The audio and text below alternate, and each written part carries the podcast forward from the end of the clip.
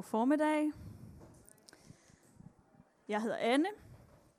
For dem af jer, som ikke øh, kender mig så godt, så kan jeg fortælle, at øh, jeg er kommet i den her kirke i de sidste 15 år. Og den dag, jeg dukkede op i kirken, der var der faktisk kun 60 mennesker på adresselisten. Og det var faktisk heller ikke helt usædvanligt at se folk rende rundt med tamburiner og vimpler under lovsang. Flemming han havde sådan et stort mikrofonhår, og alting var sådan lidt mere skørt og flippet. Øh. Og selvom jeg faktisk ikke rigtig havde tænkt mig, at jeg skulle være en del af en kirke, så faldt jeg totalt pladask for Vineyard, og øh, jeg blev virkelig mødt af Gud og nogle meget inkluderende mennesker. Og øh, selvom kirken er blevet 10 gange større, så er jeg stadig totalt vild med kirken.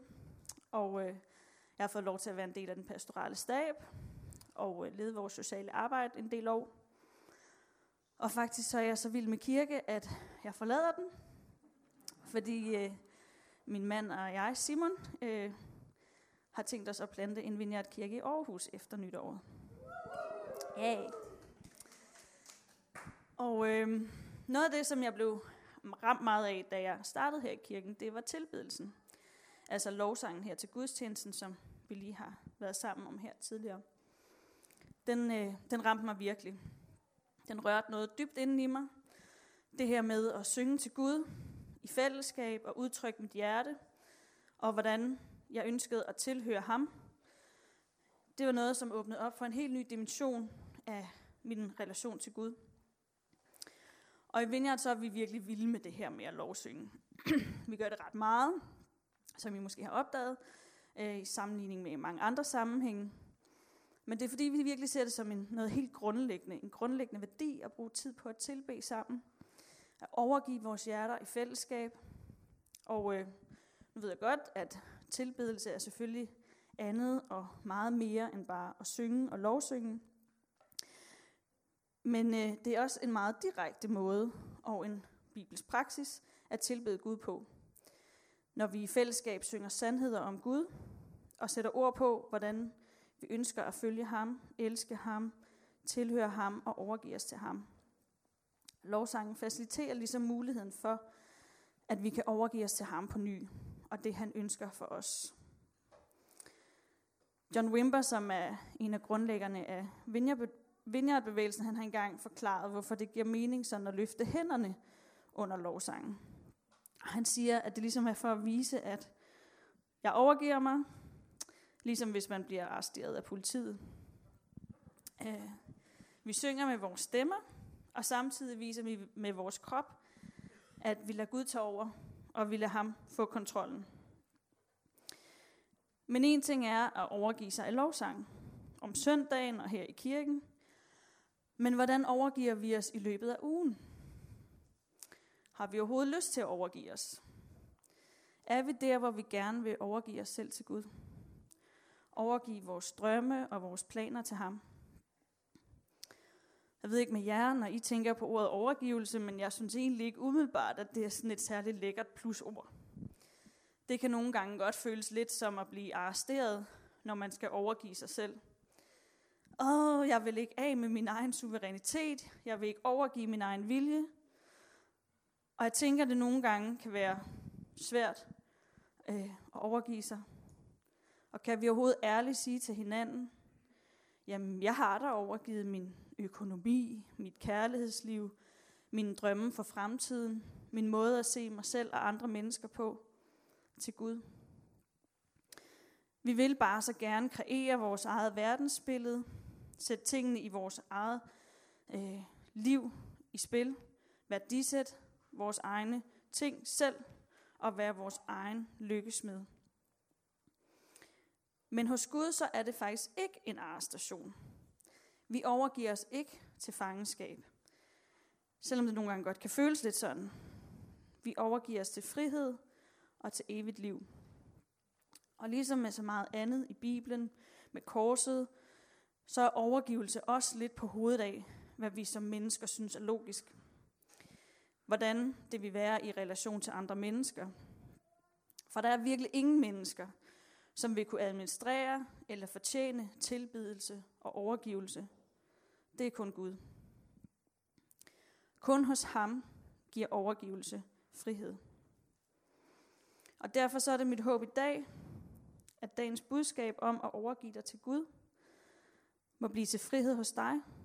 At du i dag må du kende omvendelsens sande frihed, og blive sat fri fra det, der binder dig, og at du må overgive dig til Gud.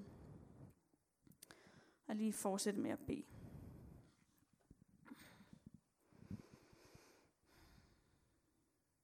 Jesus, tak fordi du er her, og tak fordi du længes efter at sætte os i frihed.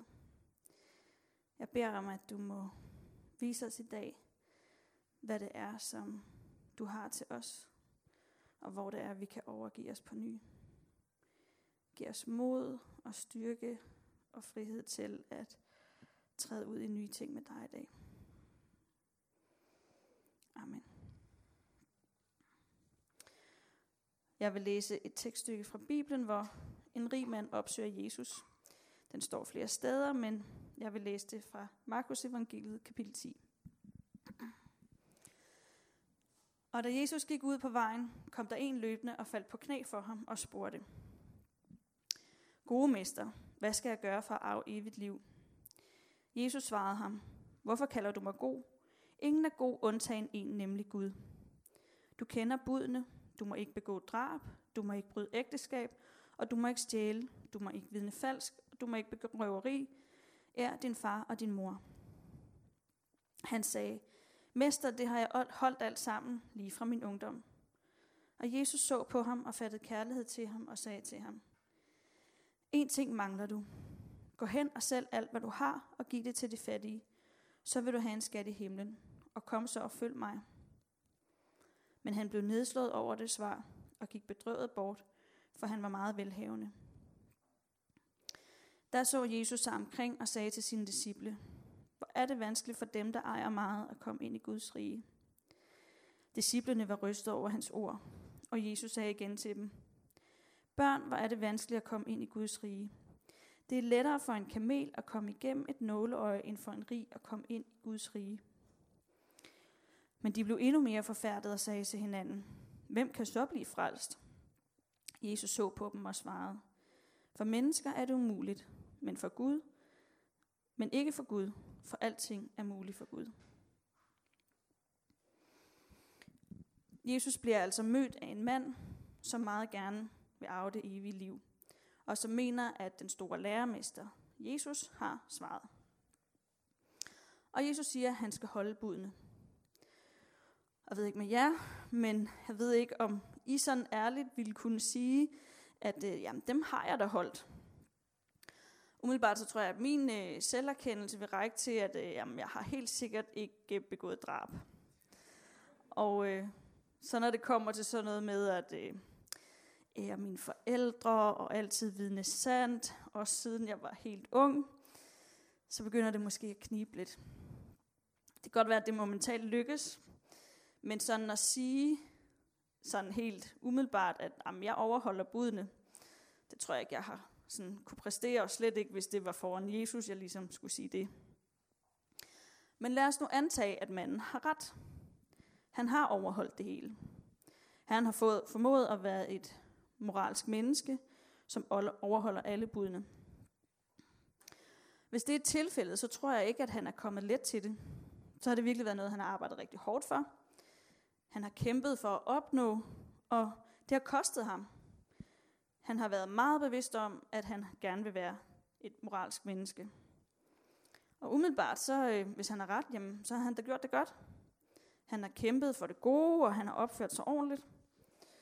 Og når han siger det, så siger Jesus, så så han på ham, og han fattede kærlighed til ham. Og det er som om Jesus ser rigtigt på ham, ser ind til hans kerne, og hvad det er, der virkelig ligger bag hans spørgsmål, og hvad det er, manden længes efter. Og så er det, der sker noget mærkeligt. For lige efter der står, at Jesus har fattet kærlighed til ham, så siger Jesus noget, som bedrøver manden. Er det ikke lidt mærkeligt? Jesus siger selv alt, hvad du har, og følg mig. Velvidende, at det nok er det sværeste, han overhovedet kunne bede manden om, for han var jo meget velhavende. Og min umiddelbare respons er, jamen Jesus, hvad er det godt nok, eller hvad? Har han ikke øh, gjort sig fortjent til en lille smule ros, en lille smule flot og godt klaret? Kunne Jesus ikke have anerkendt, at han har arbejdet så hårdt for at gøre det rigtige? Hvorfor roser Jesus ikke hans gode livsstil og hans moral? Men i stedet for, så udfordrer han Jesus, eller udfordrer Jesus ham lige der, hvor det går allermest ondt. Og netop som der står, at han lige har fattet kærlighed til ham. Men jeg tror, det er fordi, at det er der, pointen ligger begravet. At netop i kærligheden, så udfordrer Jesus os til at overgive, overgive os og overgive det, som binder os allermest. Han ønsker at se os overgive til ham det, der holder os fanget. Overgive os til hans frihed og til det evige liv, som han tilbyder os i stedet. Og jeg ved ikke, om I har lagt mærke til, men historien indleder med, at manden kaster sig på knæ foran Jesus. Og jeg tror, det vidner om en mand, som virkelig længes efter nogle svar. Jeg tror, han gerne vil have det her evige liv. Jeg tror, han virkelig har forsøgt med det her moralske liv at leve rigtigt og have en god livsstil i forsøget på at finde det her svar, men uden at finde det. Og egentlig tænker jeg ikke, at det er spurgt dumt, forsøgt eller tomt. Jesus starter jo faktisk med at sige, at det er en del af pakken. Svaret på, hvordan man får det evige liv. Det er godt at ære sine forældre og ægteskabet, tale sandhed og lade være med at stjæle. Men når Jesus ser nærmere på spørgsmålet, ser ind bag spørgsmålet og ind i mandens hjerte, så er der en dybere længsel, som Jesus adresserer. En dybere frihed, som den rige mand endnu ikke har smagt, men som tydeligvis er en, han længes efter. Han er simpelthen bundet af penge, og det ved Jesus. Han ved, at manden først er sat fri, når pengene ikke har magten over ham, og får en anden betydning i hans liv, fordi det bliver erstattet af at følge ham. Jesus kalder ham altså til at lægge alting ned, omvende sig og følge Jesus og hans vilje. Det er det, man også kan kalde discipleskab. Når vi lægger vores egen vilje ned og siger, ikke min vilje, men din, så bliver vi hans disciple. Jeg ser på det lidt ligesom magnetisme. Den spænding, der kan være mellem to magneter. Magneter vil nemlig altid enten tiltrække eller frastøde hinanden. Der er en kraft, de har en kraft i sig, nogle poler, som er af, hvordan de vender, enten vil tiltrækkes eller frastøde hinanden. Og på samme måde er der altid noget i os, noget i os eller uden for os, som hiver i os i en bestemt retning. For eksempel når det handler om samfundsidealer, fristelser eller indre stemmer, som forsøger at overtale os til at gå efter noget. Og alt for efter så ofte så tror jeg, at vi glemmer eller misforstår, at der er rigtig mange kræfter på spil, som gerne vil præge vores livsstil, vores valg og vores forbrug, som fanger os og former os og styrer os i en bestemt retning, rigtig ofte væk fra Gud og et sted hen, hvor vi bliver bundet og holdet fanget. Og samtidig er der heldigvis Guds kraft. Hans vilje og ønsker for vores liv, det gode liv, det evige liv, som han tilbyder os. Han ønsker at sætte os i frihed fra alt det, som holder os fanget, så vi kan slippe alle de her lænker, som vi bliver så nemt fanget ind af. Men det kræver, at vi vender polerne i vores lille magnet vores hjerte. Det kræver, at vi med vores vilje slipper vores egen vilje og giver den til ham. Når vi underlægger os, hvad han fortæller os af sandhed, og hvad der er godt, om os selv, om andre, om ham.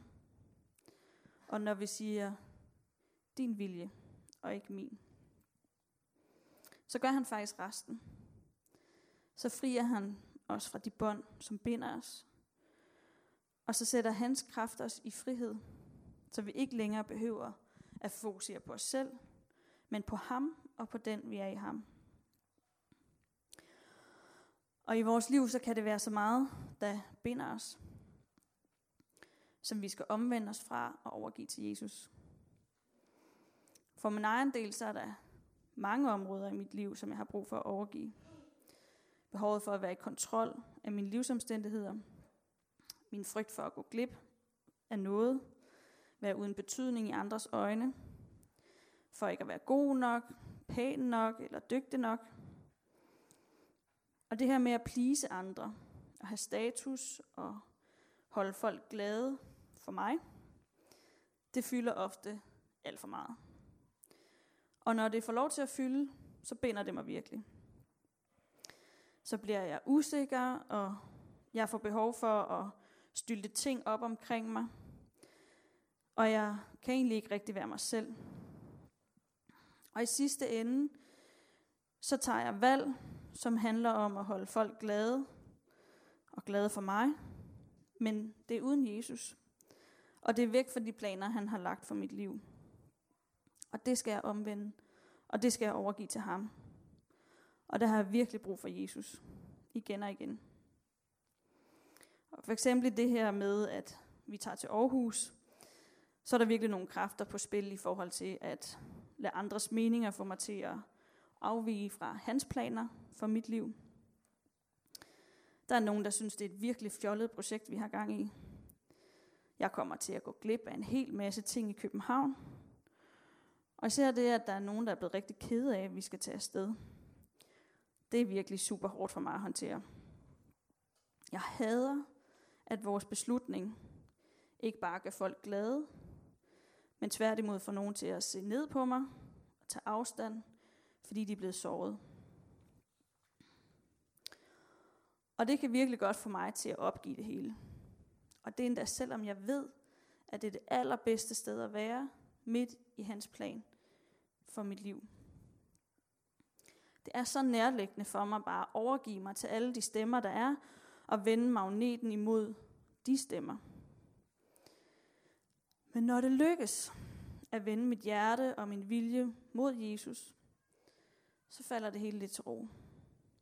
Og jeg smager den frihed og den fred, som han har skabt mig til at leve i. Og selvom stemmerne nogle gange stadig er der, så har de ikke den samme magt over mig mere. For dig så er det måske noget helt andet, du er bundet af. Måske er du blevet dybt såret af nogen. Og det binder dig, fordi det sorg, det bliver ved med at holde dig tilbage. Når du oplever, at Gud udfordrer dig til at kaste dig ud i noget, eller have tillid til ham. Frygten for at blive såret har gjort, at tilliden til mennesker, og måske endda også til Gud, er forsvundet. Og det styrer dig. Det gør dig ude af stand til at træde ud i det, Gud har til dig. Det kan også være, at du har lært hjemmefra, at man er, hvad man kan. At du skal gøre dig fortjent til alting. Og at du lider under et præstationspres, hvor du helst vil vise alt og alle. Måske særligt dine forældre, at du er en succes. Måske har du behov for at hæve dig, når du skal vise, at du er den bedste fordi du i virkeligheden ikke kender dit værd i Gud, eller overgiver dig til det, han siger er dit værd, og hvad der er værdifuldt.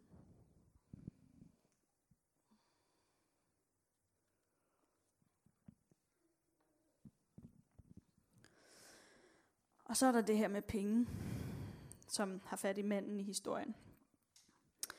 Her tror jeg altså også, der er noget rigtig meget at lære for langt de fleste af os.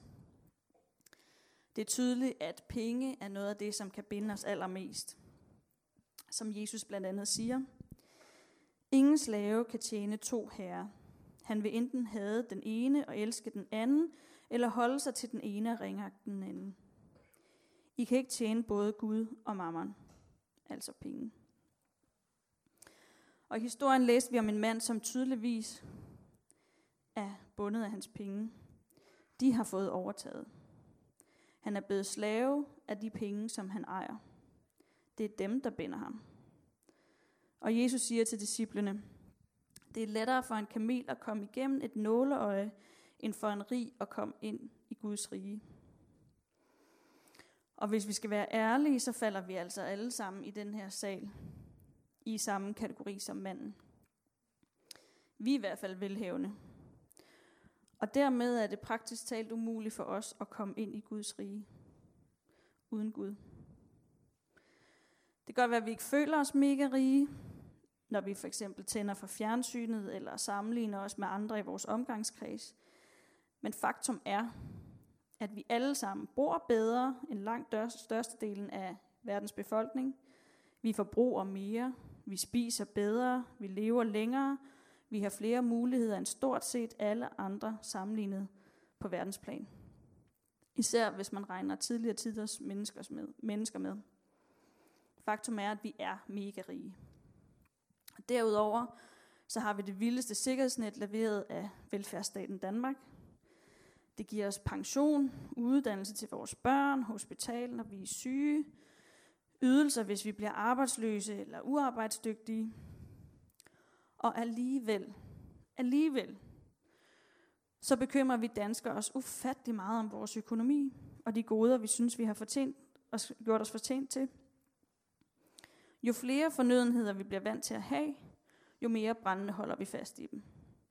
Og jo mere optaget er vi om, hvorvidt vi kan opretholde vores levestandard og blive endnu rigere. Mere vil have mere. Vi vil ikke nøjes. Vi vil have vækst. Har I tænkt over, når vi snakker om, hvorvidt økonomien er god i Danmark, så bliver det beregnet ud fra vækstrater. Vi vil gerne op på de her 4-7% vækstrater i vores økonomi, ellers så går det faktisk den gale vej. Og det vil stort set alle, uanset politisk ståsted, faktisk mene, fordi det er så indbygget i vores samfundsstruktur. Vækst er et must. Men når vi taler vækstrater, så er det altså mere forbrug. Mere end vi forbruger nu. Så det er ikke noget med, at vi bare fastholder det forbrug, vi har nu. Det er ikke godt nok. Vi skal bruge 4-7% mere. Og over en årrække på bare 5-10 år, så er det meningen, at vi skal bruge 30-50% mere end det, vi gør nu om året. For at der bare er sådan ok gang i økonomien. Vi skal altså købe for 50% mere, spise 50% mere, forbruge 50% mere, have, have ting, der er 50% smartere, eller flottere, eller større, hvis vi altså skal være med på det her væksthamsterhjul. Og det er det, vi bekymrer os om. Om vi nu kan komme op på at forbruge endnu mere, ellers så går økonomien faktisk den gale vej. Som om vi var på sultegrænsen, eller manglede noget. For mig at se, der er det bare ikke frihed. Det er snarere et fængsel, som vi ikke kan komme ud af. Det er simpelthen ikke det, vi er skabt til. Vi er ikke skabt til at være slave af penge eller forbruge stadig mere og mere. Og Jesus ved det. Det galt allerede for 2000 år siden. Men det er et kæmpe paradoks, at vi, som ejer mere end nogensinde, spiller sikkert og satser mere på vores pensionsopsparing, end på, at Gud vil sørge for os. Og Jesus ved, hvor meget vi kan bekymre os, men i særdeleshed også, hvor meget vi kan lade os styre af det, samfundet dikterer i forhold til vores levestandard og vores livsstil. Og ikke mindst, hvor malig penge kan gøre os. Og hvor meget økonomiske hensyn kan få lov til at styre nogle af de allervigtigste beslutninger i vores liv. Og det er altså ikke frihed. Det er ikke det evige liv. Vi har brug for at overgive den status, penge har i vores liv, fordi det står i vejen for den frihed, Jesus har til os. Vi er meget mere værd end det tøj, vi går i, de ting, vi kan eje, eller de oplevelser, vi kan købe os til. Uendelig meget mere værd. Men jo mere vi lader penge fortælle os, hvad vi og andre mennesker er værd, jo mindre kender vi vores sande værdi i Gud. Han ønsker at være den, der sørger for os, at vi er afhængige af ham. Han ønsker at være den, der værdisætter ting i vores liv, fordi det er det ultimative bedste og bedre end alt andet. Og det er altså ikke fordi, at Jesus har brug for vores penge. Men han ønsker at sætte os fri fra den magt, penge så ofte har over os. Det er lige, der, lige præcis derfor, han siger til manden med kærlighed i øjnene, at han skal sælge alt og komme og følge ham. Han ønsker, at han skal sættes i fuldkommen frihed og finde sit værd og sin mening med livet hos ham. Fordi Jesus ved, at det kun er ham, som er værdig tilbedelse med sit liv. Jeg er derfor også overbevist om, at det derfor Bibelen opfordrer os til at give tiende, altså 10 procent af vores indkomst tilbage til Gud. Det gør lidt ondt, og det kan mærkes, men det er fordi, det sliber vores vilje. Både i forhold til at satse på Guds rige, i forhold til vores økonomi, men også i forhold til at træne vores generøsitetsmuskel, som behøver træning. Og så fordi det er et livsprincip, som bøjer vores egen vilje og giver ham lov til at råde. Når vi overgiver retten til at bestemme over vores økonomi, så sliber vi trangen til at have styr på vores egen økonomi, og til hvad der er vores, og vi lægger det over i hans hænder. Og sådan er det med de ting, der binder os. De magnetfælder, vi lader os hive af, som vi overgiver vores vilje til, bevidst eller ubevidst. Det er dem, Gud ønsker at gøre synlige for os i kærlighed, så vi kan blive befriet fra dem. Så hvad nu, hvis vi er bundet af ting, så vi faktisk ikke er frie til at leve det liv, vi er skabt til? Til at leve i et liv i frihed med Gud. Hvis vi bliver hævet i af kræfter, så vi bliver forhindret i at gøre det, som vi dybest set allerhelst ved. Dybest inden, sådan som den unge mand, han gerne ville, men ikke kunne.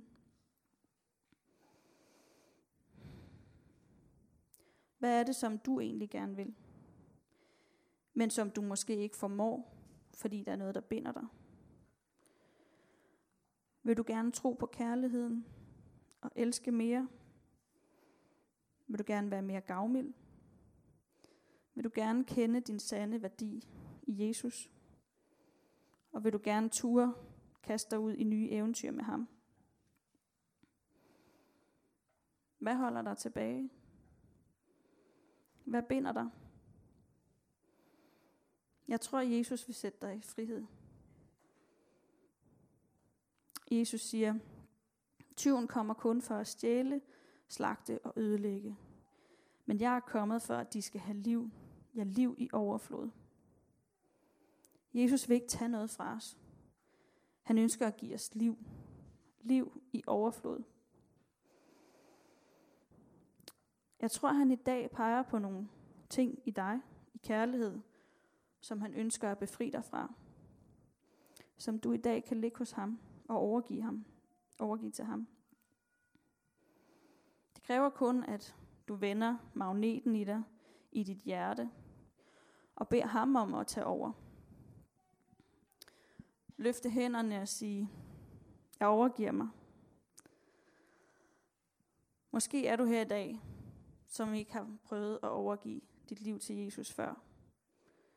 Du skal vende om og overgive dig til ham og til hans frihed.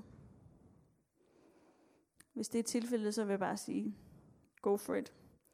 Det er det største og det vigtigste og den bedste beslutning, du kan tage for dit liv. Og hvis du er her i dag, så vil jeg rigtig gerne bede for dig bagefter. Jeg har derudover sådan en fornemmelse af, at der sidder nogen her, som i dag kærligt er blevet mindet om at tage en beslutning. Noget, der skal gøres op med. En konkret handling, du kan gøre for at bøje din vilje mod ham. Og det kan være, at det er noget, du skal støttes i bøn med, i handling med, sammen med en anden. Og i så fald, så vil jeg opmuntre dig til at gå herover til korset, når jeg er færdig lige om lidt, og bede sammen med en anden, og få støtte til den beslutning, og lægge det over i Guds hænder. Overgivelse og discipleskab, det handler om at tage nogle skridt, og ikke bare tilslutte sig nogle idealer eller principper, men om at handle på dem. Hvilke skridt skal du tage i dag? Hvilke magneter skal vendes ind i dig i dag i overgivelse til ham? I første omgang så vil jeg bede en fælles bøn for alle os, som har brug for at vende vores hjerter mod Jesus igen eller for første gang, så han kan sætte os i frihed. Og det kommer til at foregå sådan, at vi alle sammen rejser os op, og dem, som så vil være en del af den her bøn, de kan løfte hånden. Og øh, bagefter så fortsætter tilbedelsen, og hvis man har lyst, så kan man gå herover til korset og bede sammen med en anden. Øhm, man kan få bøn for alt muligt, det vi har talt om i dag, men det kan også være, at du er bekymret for noget, eller er syg, eller et eller andet. Så lad os bede for det sammen. Ja. Har lyst til at rejse op?